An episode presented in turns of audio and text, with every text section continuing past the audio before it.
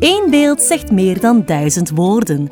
Maar aangezien dit een podcast is, houden we toch bij woorden. De inspiratie hiervoor ligt wel in de wonderenwereld van de beeldende kunst. Kunst spreekt, prikkelt, provoceert en doet ideeën, emoties of herinneringen ontspringen.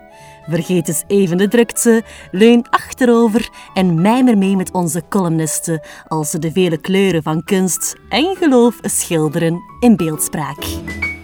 Met vandaag een column van Tom de Kranen. Jezus houdt van u, Jezus houdt van u. Vroeger kon je niet over de mei lopen of je werd overvallen door de vrouw. Een iets wat verwilderde verschijning die luidkeels schreeuwde, publiek of niet. Jezus houdt van u, Jezus houdt van u. Hoewel ik akkoord ging met de boodschap, vond ik dit als tiener toch altijd een beetje gênant. Blik strak vooruit en met fikse pas vooruit. Tegenwoordig vervangt een even kleurrijk figuur haar aan het Centraal Station.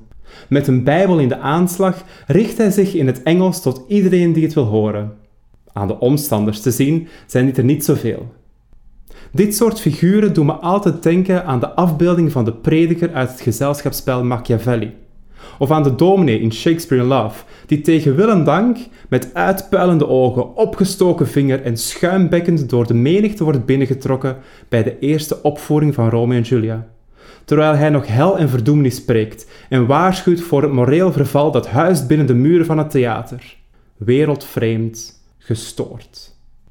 Wat een verschil met hoe ik kijk naar mensen als Francis Alice, de kunstenaar die met 800 Peruviaanse vrijwilligers, schepje voor schepje, emmer voor emmer, een berg verzette in Lima voor het werk When Faith Moves Mountains.